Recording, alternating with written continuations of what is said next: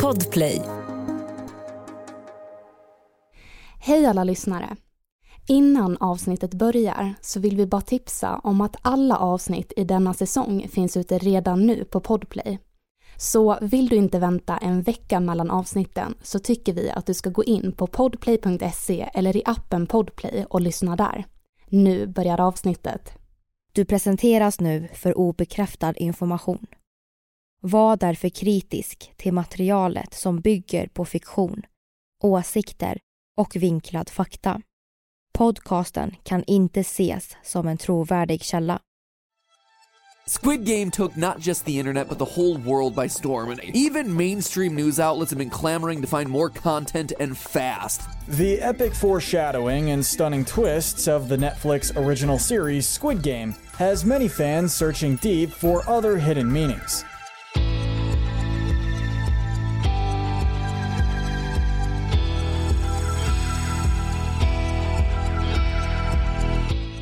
Det här är podden för dig som är intresserad av en annan version av verkligheten. En version som tar upp alternativa teorier, mystiska sammanträffanden och diskussioner om vad som kan vara sant. Mitt namn är Vivi. Och mitt namn är Aida. Och det här är konspirationsteorier. Hej allihopa och välkomna till dagens avsnitt. Mitt namn är Vivi och med oss har vi såklart alltid Aida. Hallå, hallå. Det här avsnittet är ju då lite speciellt eftersom att vi kommer att prata om den globala succéserien Squid Game som verkligen gått viral. Den var helt, det var alltså världens snackis förra hösten. Så vi tänker att ja, vi får väl också prata om den här då för att den serien är otroligt, otroligt bra. Och det här blir ju då lite speciellt för Aida vet inte riktigt vad det är jag kommer att säga. Så eh, det här är helt enkelt ett avsnitt om de teorier som finns i Squid Game. Och innan jag börjar så vill jag säga att jag 100% rekommenderar den här serien. Den är sjukt bra. Och jag rekommenderar den till Aida och jag tror att du tyckte om den också. Ja, nej men den var ju super, super bra. Så ja, jag vill jättegärna rekommendera den till er lyssnare. Och ifall ni planerar att se på den så tycker jag att ni ska lyssna på det här poddavsnittet direkt efter och inte innan för eh, ja, det här avsnittet innehåller väldigt, väldigt, väldigt, väldigt mycket spoilers helt enkelt. Så Aira, det var ju då ett tag sedan du såg den här serien så jag tänker att jag påminner dig lite. Kommer du ihåg att i början, så i första avsnittet, så blir vi då introducerade till ett spel som ja, de gör i tunnelbanestationen. Mm, mm. Ja, så där blir vi då huvudpersonen Seong Gi-hun eh, utmanad att ja, men helt enkelt vända motståndarens kort. Så han får ju en sån pappers eh, kvadrat, jag vet inte vad man ska kalla vad det är, men den är vikt på ett sätt. Och han ska helt enkelt eh, försöka vända på den som ligger på marken och alltså slänga den på så att den flippar upp. Ja, just det. Ja, precis. Mm. Och varje gång han lyckas vända på den så får ju han då 10 000 won. Mm, mm. Och det låter jättemycket men det är inte så mycket egentligen. Det är bara 77 kronor i dagens valuta. Så att det här är ju ett första tecken på ja, att man är spelberoende då. Och innan spelet börjar så får ju han då välja ett rött eller ett blått kort. Mm. Och det finns nämligen en teori om just det och jag vet inte om du eh, kan... Det låter lite Matrix och Ja, okej. Okay. Så grejen är så här. Nu valde ju huvudpersonen faktiskt blå färg. Men tänk om färgen på korten faktiskt avgör vad för roll du har i Squid Game. Mm, okay. Så tänk om han då hade valt rött istället. Så istället för att bli en deltagare i spelet så skulle han ha blivit en av vakterna som faktiskt höll koll på spelet. Såg till att reglerna följdes och helt enkelt eliminerade deltagarna som antingen förlorade eller bröt reglerna. Mm. För jag tänker så här, om du tänker på det, deltagarna har ju liksom ja, blått på sig. Och de vakterna som är där har ju lite, ja men har ju rött, det är ju lite rött-rosa typ. Ja, exakt. Och det blå är väl blågrönt lite så. Men eh, det som är så intressant med den här serien då är ju då att man faktiskt får se och höra hur vissa av de röda deltagarna faktiskt gråter lite innan de går och lägger sig. Och vi vet ju att en polisman faktiskt infiltrerar spelet och ja, helt enkelt går runt som en röd vakt. Och Då ser vi när han eh, liksom ligger där, han hör ju att folk är ledsna. Mm. Så då är teorin så här, tänk om de här vakterna också har stora skulder och att det enda sättet för dem att faktiskt få chansen till ett bra liv är att vara med män som vakt. Och teorin lyder ju så att det kanske finns en annan tävling som ja, de har sinsemellan men som inte vi vet om. Men vänta, alltså jag fattar inte. Hör den ihop med den förra teorin? Ja och nej. Så den första teorin är ju så här att den färgen du väljer är liksom det som väljer vad för roll du har i spelet. Blir du deltagare eller blir du vakt? Ja. Och sen så finns det då en teori som går vidare på den här teorin då att de här röda vakterna kanske, ja, väljer du rött så blir du vakt och då kanske de på något sätt får pengar för att vara vakter. För jag menar, de får ju döda folk. Men alltså, Och det är ju inte, ja, nej förlåt, vad sa du? Nej men ja, de får ju döda personer och det är ju inte någonting man vill göra. Nej. Men jag tänker också på så här, vet vi hur de blir vakter? Vet vi någonting om dem? Jag kommer inte ihåg. Nej, vi gör ju inte det. Nej, okej. Ja, då fattar jag absolut teorin. Det skulle mycket, mycket väl kunna vara så. Får vi se när någon annan, alltså är det alltid att de får, vilken färg var det på kortet? Var det blått? Ja, blått är ju de deltagarna och rött är ju de eh, vakterna då. Men får de alltid då, de som spelar sig in i spelet, får de alltid det blåa kortet? Det vet vi inte, för det här är bara en teori. Ja, okej. Det är en teori bara baserad på den scenen vi får se i första avsnittet. För sen efter det så vet vi ju inte mer. Vi får se lite fler ehm, så här, scener och klipp på att andra människor också Spelar. Mm. spelar. Men eh, ja, det är en teori som, om faktiskt hur man blir vald som deltagare och vad för roll man har i spelet. Mm. Okej. Den andra teorin jag tänkte ta upp är helt enkelt om huvudpersonen då och att han faktiskt färgar håret rött. Och som sagt, det här är en spoiler, så stäng av och kolla på serien först innan ni lyssnar på avsnittet. Så i sista avsnittet av Squid Game så ser vi då att han färgar håret rött. Och det gör han ju då efter att han har vunnit spelet och även tagit emot vinsten då. Och det här skulle man egentligen kunna se som ett enkelt sätt för filmskaparna att på ett sätt visa att han är nu en förändrad man. Mm. Han eh, har ändrats och eh, spelet har helt enkelt förstört honom eller gett han, alltså han är en ny person. För han har ju fått se många människor dö, inklusive sina egna vänner. Men tänk om det här röda håret faktiskt har en större betydelse än att bara visa på att han har ändrat sin karaktär. För några fans tror faktiskt att hans röda hår är ett tecken på att han kommer återvända tillbaka till spelet. Men att han den här gången kommer vara en av de röda deltagarna istället för att förstöra spelet inifrån Mm. och helt enkelt få ett slut på det hela. Ja, alltså det tror jag garanterat. Ja. Ja, ja. För jag, alltså, han måste ju ändå vara med. Det är ju han som är huvudkaraktären. Mm. Och det som är så intressant är ju också att vi får ju se i spelet att den här eh, frontmannen, han i svart mask, vi får ju veta att han är en tidigare vinnare och han är ju den som håller i spelet. Ja, så att det tyder ju ännu mer på att han, huvudkaraktären, kommer komma tillbaka och vara en röd. Jag tror det. Alltså, ja, ja, vi hörs igen efter säsong två, alltså jag tror det. Men jag alltså, tror lätt på det här också, för det är ju en stor chans, en stor sannolikhet att det kan vara så. För att varför skulle han annars komma tillbaka? För av vilken anledning? Han har fått se sina vänner dö, han har fått se deltagare dö efter varandra. Det är klart att han vill att det här dödsspelet ska ta slut. Mm, precis. Men han kommer ju förstöra inifrån. Det tror jag. Ja, men såklart. Ja. Det som är så kul är ju då att vissa eh, fans tycker att det här är lite överdrivet, att det här är långdraget för att hur ska han komma in och hur ska han få stopp på det och sådär. Men eh, vem vet, alltså det får vi kanske se i säsong två och eh, vem vet, vi kanske är på rätt spår med den här teorin. Men alltså, varför färgar han håret på riktigt? Alltså förändra sig själv eller är det för att han inte vill bli hittad eller vad beror det på? Det är bra frågor, det vet vi inte. Nej, okej. Nej, men okej, den, alltså 100 procent att jag tror på den. Mm. Ny säsong av Robinson på TV4 Play. Hetta, storm, hunger. Det har hela tiden varit en kamp. Nu är det blod och tårar. liksom. Fan händer just nu. Det. är Detta är inte okej. Robinson 2024, nu fucking kör vi! Streama söndag på TV4 Play. Ett poddtips från Podplay.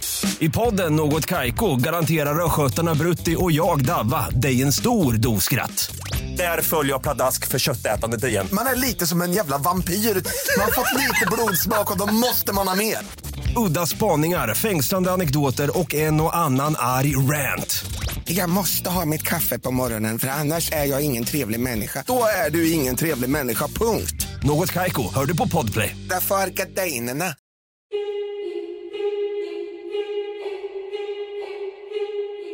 Sen har vi då en till teori som faktiskt handlar om deltagare nummer ett, alltså 001. Mm. Så i början av serien så får vi se att huvudpersonen då fäster sig vid spelets äldsta deltagare. Det är ju han, gamla gubben då. Och vissa fans tycker att det är väldigt märkligt att han har fäst sig vid honom. För spelet går ut på att överleva och det är helt enkelt att den starkaste överlever. Ja. Så varför väljer man att ha en gammal gubbe med en hjärntumör vid sin sida? Som är helt enkelt väldigt svag. Nej, alltså man måste ju ha liksom bra förutsättningar för att klara sig i detta. Och det har man kanske inte om man är gammal liksom. Nej, precis. Och vissa fans menar då på att deras vänskap i serien har lämnat en hel del ledtrådar. Och de tror faktiskt att spelare då 001, den här gubben då, och huvudpersonen faktiskt har något form av familjeband. Mm. Vi får ju se huvudpersonen Seong Gi-Hun eh, hemma med sin mor, men ingenting nämns om hans pappa överhuvudtaget i serien. Oh my god, är det hans pappa? Det är det som är grejen. Fans menar på att det finns ledtrådar i, i hela serien som då tyder på att de på något sätt kan vara relaterade. Mm. Den första ledtråden som då fans har lagt märke till är då i början när de är i det här dödsspelet så frågar då huvudkaraktären efter chokladmjölk för att de får ju mjölk och eh, de vakterna säger att nej, va? varför ska du få det för liksom? Och eh, deltagaren 001, alltså gubben då, märker det här och säger så här, ja ah, men min, min son var exakt likadan. Han gillar också det här.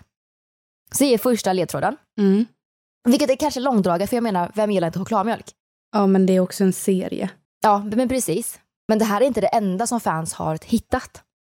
För i en annan scen så får vi se huvudpersonen Seong Gi-Hun och deltagaren 001 prata om de likheter som finns i scenografin i en utav spelrundorna. Ja.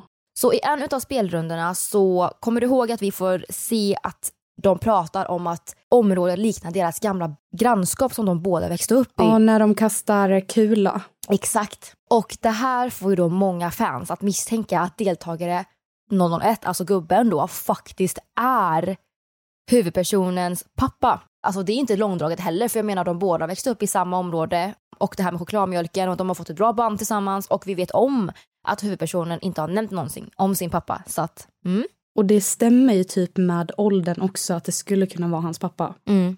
Ja, och här kommer ju twisten liksom av hela just avsnittet eller ja, när vi i slutet av serien då får veta att spelare, alltså 001, faktiskt tillhör spelets VIP.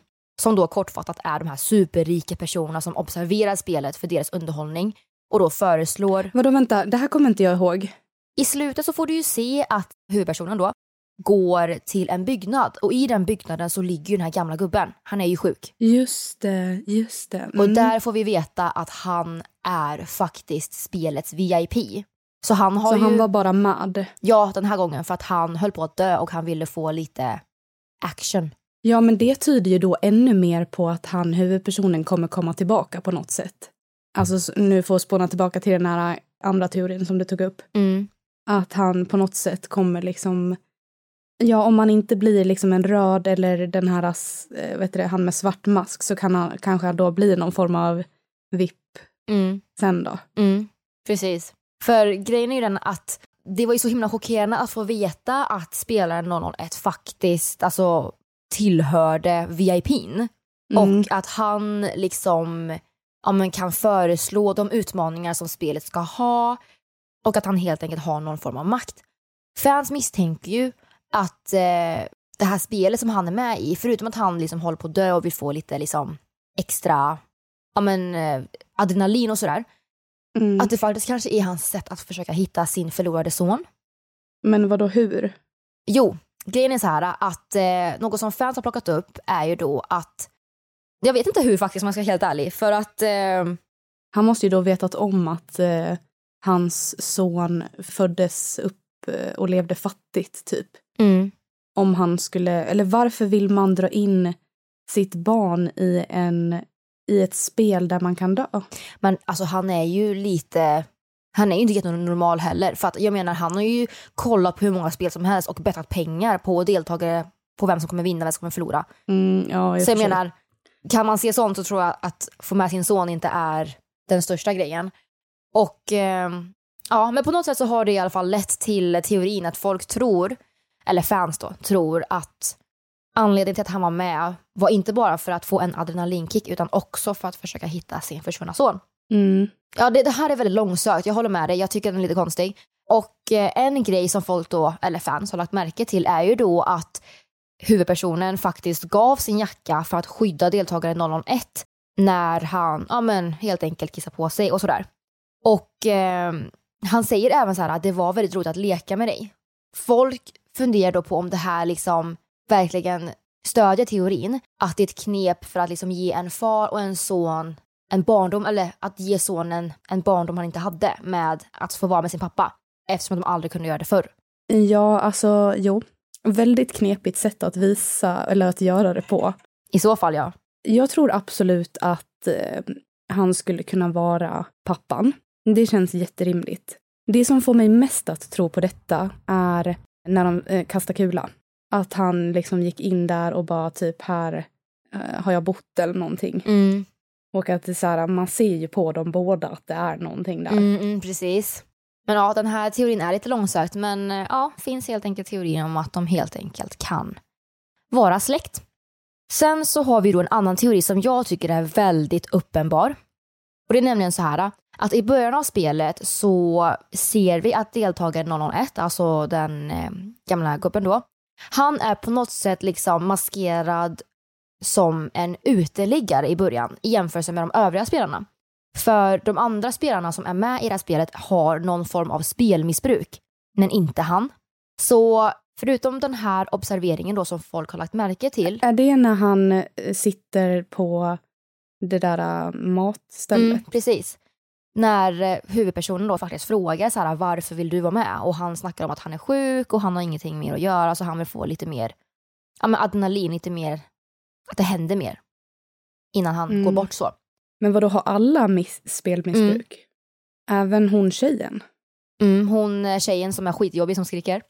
Ja. Ja, men alla är på något sätt, alltså inte spelmissbruk, men alla är på något sätt i väldigt stort behov av pengar. Ja, precis. Och han är ju inte det, han är ju på sin dödsbädd. Ja, precis. Han passar ju inte in. Exakt, så förutom den detaljen så är han också den enda deltagaren som faktiskt är otroligt mycket äldre än de andra. Och han är också den enda karaktären vi inte får en bakgrundshistoria om, trots att han i början är en stor biroll. Just Mm. det. Nej, precis. Det som är väldigt märkligt är då att han har ett, alltså ett förvånansvärt strategiskt tänk för någon som är allvarligt sjuk, som liksom har en hjärntumör. Mm. Och förutom den här observationen då som fans har märkt så har de också sett hur otroligt entusiastisk han faktiskt var inför varje dödsspel. Trots sina otroligt stora nackdelar. Han är gammal, inte stark, han är väldigt sjuk och allmänt långsam. Så varför var han så himla taggad inför varje dödsspel? Svaret på det är ju Mm. då att man tror att deltagaren 01, alltså den gamla gubben, faktiskt fick vara med och spela för att han visste alla grenar som skulle komma och vad han skulle välja för att klara sig. Ja, jag tänker vi får ju veta att han är en sån här vipp. Exakt. Så att den här teorin är ju alltså i princip sann.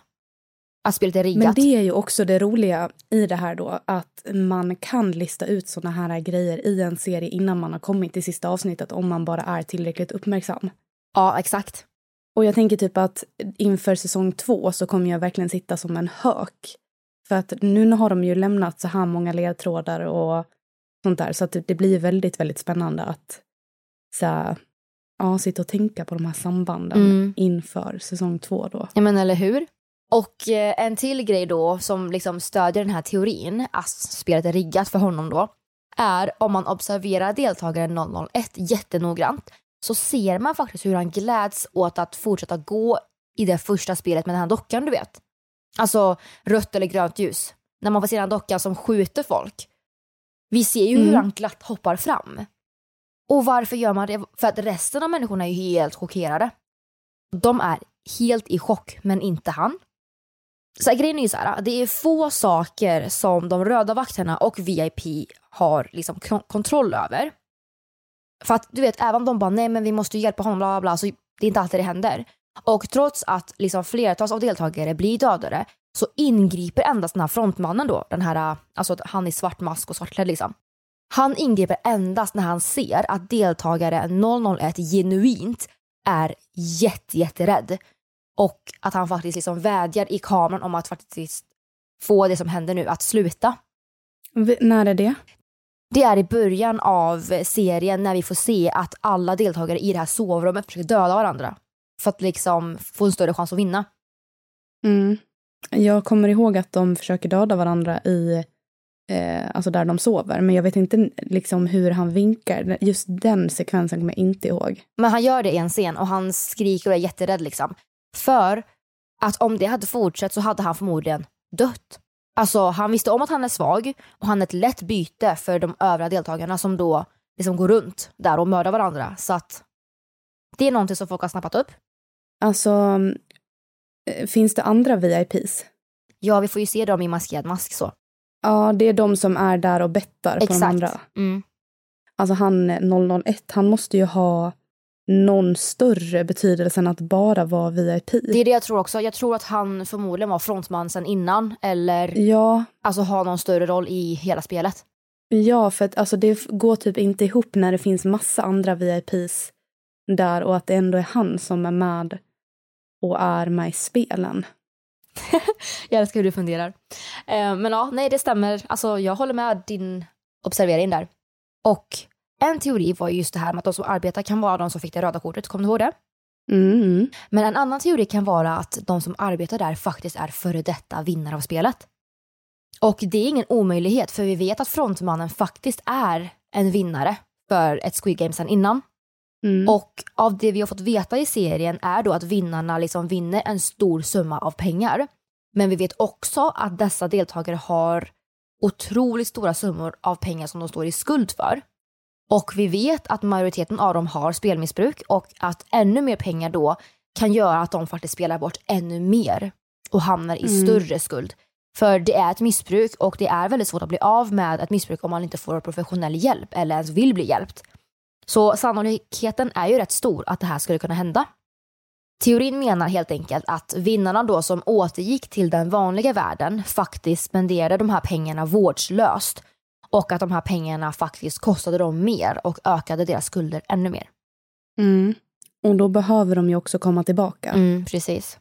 Och det är kanske därför Och de... då så Ja, förlåt. Nej, men jag tänker att ehm, typ den här teorin om att de kanske har något form av eget spel, den kanske typ stämmer. Ja, vad menar du? Eller hur tänker du här? Jag tänker att det här spelet typ är uppbyggt så att man ska misslyckas vad man än gör. Och att man måste komma tillbaka hela tiden. Och att så här, du får först kanske vara en eh, spelare och sen så blir du en sån här röd vakt. Så här, då fortsätter spelet på något sätt och sen får du spela och sen så kanske det är någon form av spel med de här VIP-människorna också. Men alltså att det blir liksom en konstant loop. Mm, att det blir en ond cirkel så. Mm. Mm. Men det skulle kunna vara så, faktiskt. Och om vi ska tänka på liksom, ja, men VIP och spelarna och deltagarna då, så vet vi ju från serien att deltagaren 001, som då är spelets VIP, han har faktiskt koll på deltagarna. För när spelet avslutas första gången, när de röstat om inte vi vill vara med mer och alla får gå, då får vi se att han liksom råkar hitta huvudpersonen Seong Gi-hun när spelet då först avslutas. Mm. Och det är lite konstigt va? Ja, för de visste ju ingenting om varandra. Exakt. Om han lyckades hitta Seong Gi-hun så är ju frågan om han faktiskt kan spåra vinnarna sedan tidigare. Så tänk om det är så att de kan spåra vinnarna, ge dem ännu en chans till att bli av med deras stora skulder som de har fått nu på nytt och Mm. att det liksom löser sig genom att de kommer och jobbar som de röda arbetarna i en viss tid. Ja, hundra procent. Och Sara, Jag är såld. Och det som är så intressant är ju att detta skulle faktiskt kunna vara förklaringen till varför för detta vinnare blir då rekryterade. För att de har ju redan varit med i spelet en gång innan och de vet hur det fungerar. För i spelet så märker vi att de röda vakterna är väldigt hjärtlösa. De är kalla. Ja. Och det ser ut som att de är vana. Precis, och de måste ju ha varit med. Alltså de är ju införstådda i att folk kommer dö av grejer. Sen absolut att de kanske är ledsna och sånt också, men de gör ju det ändå. Exakt. Frågan är då om de är vana för att de själva har fått se liksom deltagare dö i sin omgång. Mm. För, och att de blir mördare då i jakten på pengar. Men eh, det finns en till grej med just den här teorin och det är ju att i avsnitt tre så får vi faktiskt se en vakt i röd mask ta av sig masken. För att han blir hotad med pistol. Mm. Och vi ser att han faktiskt bara är en tonåring, han är ganska ung. Så frågan är så här, kan han verkligen ha vunnit ett tidigare Squid Game-spel för sin ålder? Eller kan det vara så att det faktiskt finns en ännu mörkare anledning till att deltagarna som då är vakter befinner sig i som vi inte ens, alltså som vi inte ens kan förstå. Alltså vad för situation kan de befinna sig i? Ja, Okej, då har du någon teori på det? Nej, det är bara alltså spekulationer. Okej, men alltså jag tänker ju att ehm, de är ju i behov av pengar ju. Alla som är med. Och hon den här tjejen, hon är ju i behov av pengar för att lösa någon form av familjesituation som hon befinner sig i. Ja. Jag kommer inte ihåg exakt vad det är. Jo, men hon vill ju smuggla hem sina, hon vill ju smuggla in sina föräldrar till Sydkorea för hon är ju från Nordkorea. ja, ja, och då kanske det är någonting liknande för han. Mm. Väldigt bra observation där Aida. Så skulle det verkligen kunna vara. Ja, jag tänker typ det. Sen vet inte jag om de har någon åldersgräns på spel och så här vad det är. Man måste ju kanske uppenbarligen vara 18 om man ska hamna i någon skuld för något hus eller någonting man har köpt. Men eh, han kanske har trasslat till det på något annat sätt eller att hans familjemedlemmar har trasslat till det. Och att han vill hjälpa till. Så kan det vara, för jag menar hon tjejen från Nordkorea är ju faktiskt också väldigt ung. Mm. Ja, så så skulle det definitivt kunna vara. Ett poddtips från Podplay. I fallen jag aldrig glömmer djupdyker Hasse Aro i arbetet bakom några av Sveriges mest uppseendeväckande brottsutredningar. Går vi in med hemlig telefonavlyssning och, och då upplever vi att vi får en total förändring av hans beteende. Vad är det som händer nu? Vem är det som läcker? Och så säger han att jag är kriminell, jag har varit kriminell i hela mitt liv men att mörda ett barn, där går min gräns. Nya säsongen av Fallen jag aldrig glömmer på Podplay.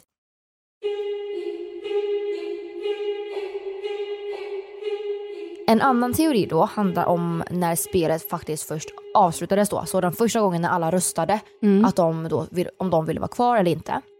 Så vi vet ju att majoriteten röstade för att de inte ville vara med i spelet. Men vi vet också om att majoriteten kom tillbaka. Mm. För verkligheten påminner dem återigen om att de faktiskt är i desperat behov av pengar och att det livet de har nu, det är inget liv, det funkar liksom inte.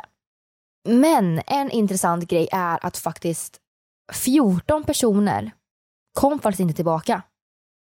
De ville inte sätta sina liv på spel för pengar, och vilket det är väldigt rimligt. Men av alla så var det bara 14 som inte kom tillbaka. Mm.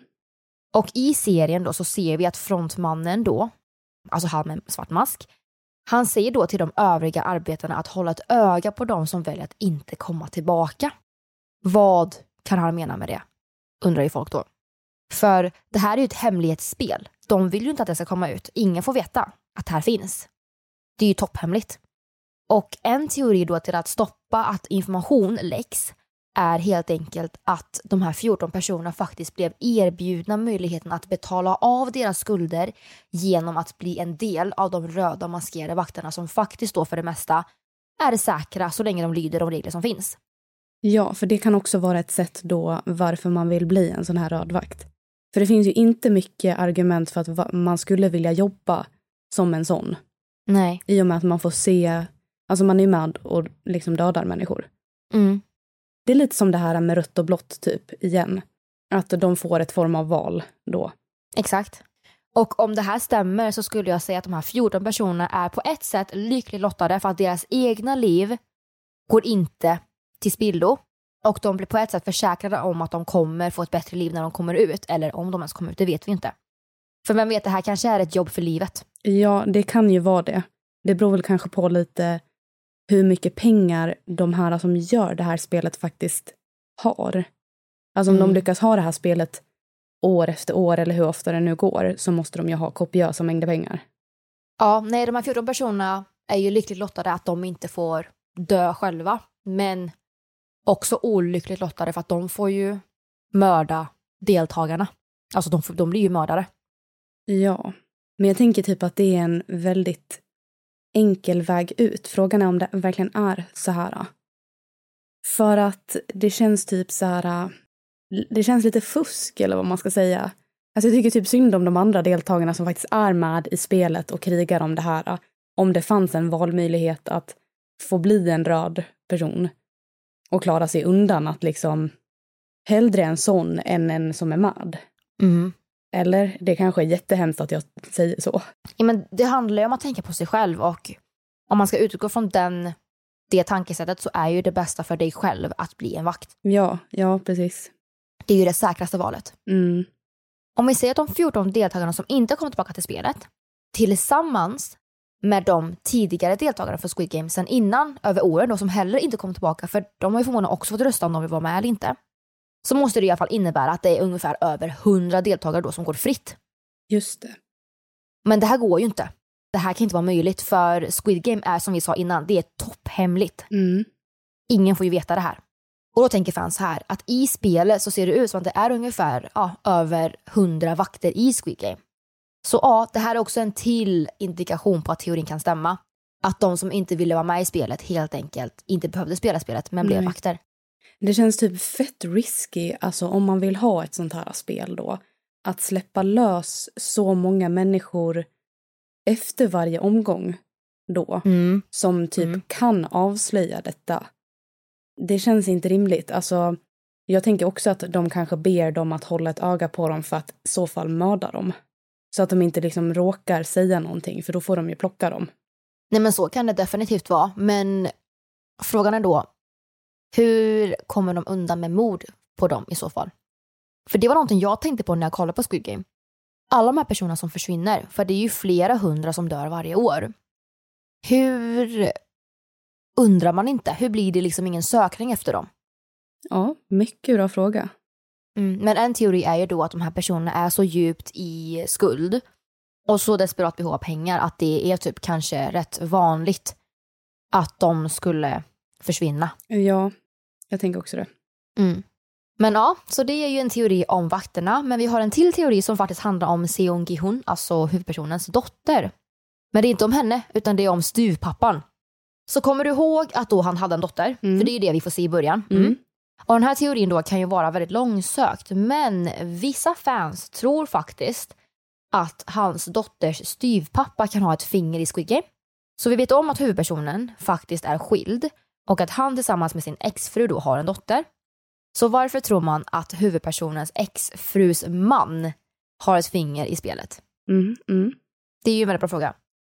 Då har ju fans lagt märke till det här. Styrpappan har ju uppenbarligen inte problem med pengar då han utan problem överlämnar en stor summa pengar till huvudpersonen Seong Gi-hun som då ska gå till hans mors operation, vilket inte är billigt. Kommer du ihåg scenen när huvudpersonen går hem till hans dotter, går in i deras lägenhet, ber om hjälp, går ut och sen så kommer styrpappan hem och slänger ut honom och ger han ett kuvert med pengar. Mm. Och så säger han att han liksom inte vill att han ska komma tillbaka. Mm.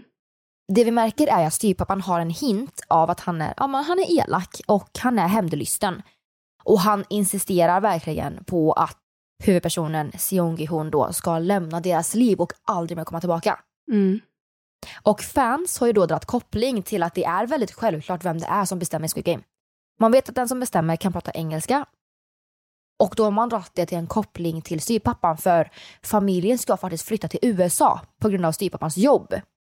Så då finns det ju en stor sannolikhet att han faktiskt pratar flytande engelska. Ja. Så frågan är då, skulle det kunna vara så att han på något sätt har ett finger i spelet eller att han kanske till och med är spindeln i nätet? Sannolikheten då att det här stämmer är ju då väldigt liten, men kom ihåg också att allt kan hända i Squid Game. Jag tänker också i en serie så introduceras vi inte för onödiga karaktärer. Utan det är ju väldigt mycket konspirationskopplingar. Mm, definitivt. Och det är ju ofta de som man inte direkt tänker ska vara delaktiga som är det. Typ alla Beck-filmer. Ja, men tänk också så här. Styvpappan, han vill ju bli av med huvudpersonen. Så kan det vara så att han kanske föreslog honom till Squid Game och det var så den här affärsmannen i tunnelbanan hittade honom. Mm. Det skulle lätt kunna vara möjligt. Men vad skulle han i så fall haft för roll med då? då? Inte att han har varit med och spelat eller så, utan att han vadå, har varit med och sponsrat det på något sätt, eller? Ja, sponsrat eller hjälper till att hitta rekryteringspersoner. Vad jobbar han med? Det, vet vi det? Jag hittar ingenting om just vad han jobbar med just nu, alltså när jag googlar lite snabbt så, men det är väldigt tydligt att han har ett väldigt, så här, han är högt uppsatt. Mm. Så... Ja, men okej. Och han ska ju till USA för att jobba, så vem vet, ska han liksom hjälpa till att hitta rekryteringar till USA Squid Game, eller vad kan det vara? Ja, exakt. Vad ska han göra där? Men det kanske vi får veta i säsong två. Om vi ska fortsätta lite nu till den näst sista teorin jag har så är det nämligen så att det finns en teori om att Squid Game faktiskt egentligen bara är ett experiment för att samla tillräckligt med data om mänskligt beteende inom spelmissbruk. Eller inom missbruk helt enkelt. Mm. Och att den huvudsakliga frågan man vill faktiskt få svar på är hur långt kan människor gå när de är desperata? För vi vet om att huvudpoängen med Squid Game är att en deltagares död är en annan deltagares chans att vinna prispengarna. Mm. Exakt. Så frågan är, är de bara testobjekt? Det kan säkert vara någonting som kommer fram liksom, jag vet inte hur många säsonger av detta det blir, men att det kanske kommer fram mer med eh, tiden. Mm, ja men så kan det vara. Och nu då till vår sista teori som vi har idag om Squid Game. Det är nämligen så att eh, den här teorin, den är lite rolig, men sannolikheten att den stämmer kanske inte är så stor. Mhm. Teorin menar helt enkelt då att Squid Game är då dödsspelet i Korea och att Hunger Games är då ett dödsspel i USA. Att det är samma organisation som liksom... Som ligger bakom det? Mm. Okej. Och det finns ju också en serie som heter Alice in Borderland som då är ett, det är en jättebra serie, den är typ på samma nivå som Squid Game. Och det är ett dödsspel i Japan. Mhm. Så teorin är så här, skulle det kunna vara att olika länder har dödsspel men de alla heter olika saker? Mm. Okej. Men eh, det är väldigt långsökt enligt mig för vi vet om att i Hunger Games så har det gått flera hundra år där folk liksom har gått i hunger, eller inte flera hundra år men flera år att de har gått i hunger och det här hungerspelen har varit där och det är ju liksom en de lever i en helt annan värld. Alltså, det, för sig, det gör ju alla människor i olika länder men jag menar bara att det är en annan tid. Det är liksom förödelse. Ja. Ja, men också att så här, i Hunger Games är det uppbyggt med Panem. Och typ så här, Squid Game är liksom typ den verkliga världen. Mm, exakt. Tidsmässigt så känns det fel. Mm, jag kan... Nej, men no, jag vet inte riktigt vad man ska säga om den. Det känns mer som att det är att vi människor har ett intresse av att titta på sånt här och att man i olika länder gör såna här serier för att det tilltalar oss. Exakt. Men eh, ja, det här var allt jag hade för Squid Game. Vad, eh, vad känner du Aida? Är det någon teori du tycker om eller är det många du ändå känner så här, åh det här kan vara möjligt? Jag tycker att typ basically alla eh, låter möjliga. Mm. Faktiskt. För att vi vet så himla lite om eh, de här karaktärerna än så länge. Och eh, det känns som att det blev väldigt många twister i eh, serien med tiden och att det, man tänker då att det kommer komma ännu mer i säsong två. Mm, precis. Men jag tror definitivt på att pappan, eller nu kallar jag honom redan pappan, han, eh, första spelaren och sista spelaren har någon eh, familjerelation och att, ja, jag vet inte, det är någonting så här knepigt med vem det är som styr det här spelet egentligen. Och sen tror jag också Mm. att eh, sista spelaren där kommer komma in, alltså huvudkaraktären, han kommer komma in i säsong två och eh, fucka upp inifrån. Mm. Eller att han blir liksom den här frontmannen i slutet eller någonting. En här Mm. riktigt konstig grej. Eller att han kanske till och med får veta, alltså han kanske får svar på varför spelet pågår och kanske istället för att ta ner det också som tidigare spelare blir en del av det. Mm, mm. Ja, alltså jag hoppas inte att det blir så här lyckliga slut och grejer. Utan jag hoppas att de fuckar till det rejält. Mm. Ja men vi får se. Mm. Och det här var ju helt enkelt allt vi hade för idag och jag hoppas att ni tyckte om avsnittet. Som sagt, Squid Game är en jättebra serie så när ni har lyssnat på det avsnittet nu så tycker jag för er som har sett den att ni ska kolla om och ha de här teorierna i baktanke. Ja, jag ska typ göra det. Men det Ja. var en bra serie alltså. Det är en jätte, jättebra serie. Vet vi någonting när säsong två kommer komma? Det är ingenting som har blivit liksom, eh, eller det har ju blivit liksom bekräftat. bekräftat. Ja. Ja, men vi vet inte när. Jag tänker ju att ehm, om ni lyssnare tycker att det här var ett intressant avsnitt så kanske det hade varit intressant att följa upp de här teorierna när säsong två har kommit och se vad det var som stämde, om det fanns någon teori som stämde och också liksom diskutera om det har kommit några nya teorier med den nya säsongen. Mm.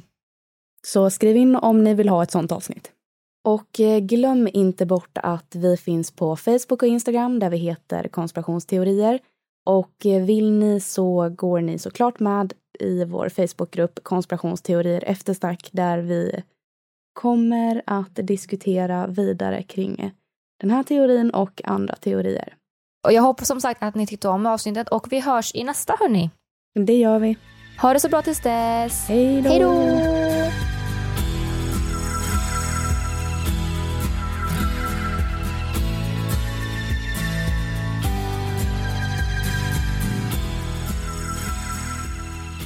Du har lyssnat på konspirationsteorier om Squid Game. Avsnittet gjordes våren 2022. Vi som har gjort programmet heter Vivian Lee och Aida Engvall tillsammans med redigerare Jenny Olli. Källorna till dagens program hittar du via vår Facebook eller Instagram där vi heter konspirationsteorier. Via våra sociala medier kan du även skicka in tips och önskemål på teorier som du vill höra i podden. Vill du höra fler avsnitt av konspirationsteorier? Besök din poddapp och lyssna på avsnitt som Vem sköt Tupac? The rapper was shot inside of a BMW while stopped at a red light on Koval and Flamingo. We all know the story. He then died six days later. Vad säger Pentagons ufo-rapport? Och mycket mer.